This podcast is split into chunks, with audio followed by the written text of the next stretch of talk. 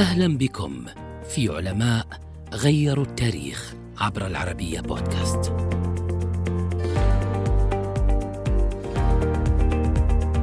عده المؤرخون آخر علماء غرناطة الأفذاذ. يحيى بن أحمد بن هذيل أبو زكريا التجيبي الغرناطي الأرجدوني نسبة إلى مدينة ارجدونه.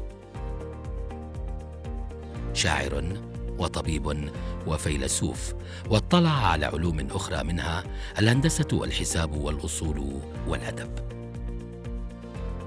ولد في غرناطة ولم يحدد المؤرخون تاريخ ميلاده على وجه الدقة. وإن كان ولد بين القرنين الثاني عشر والثالث عشر للميلاد. عمل مدرسا للفرائض والأصول والطب في مدرسة غرناطة وطبيبا في البلاط السلطاني.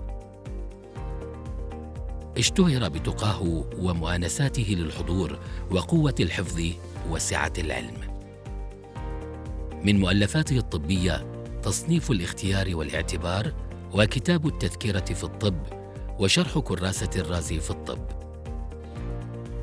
إضافة إلى علومه الطبية برع ابن هذيل في الشعر وكان له ديوان حمل اسم السليمانيات والعربيات وتنشيط الكسل. عاش آخر أيامه مشلولا وزاد عليه وفاة زوجته فصحبه وجد شديد. فلما قربت وفاته استدعى تلميذه العلامة الشهير لسان الدين بن الخطيب وأملى عليه بعض الأبيات إذ كان لسانه لا يبين القول ولا يفصح عما يريد.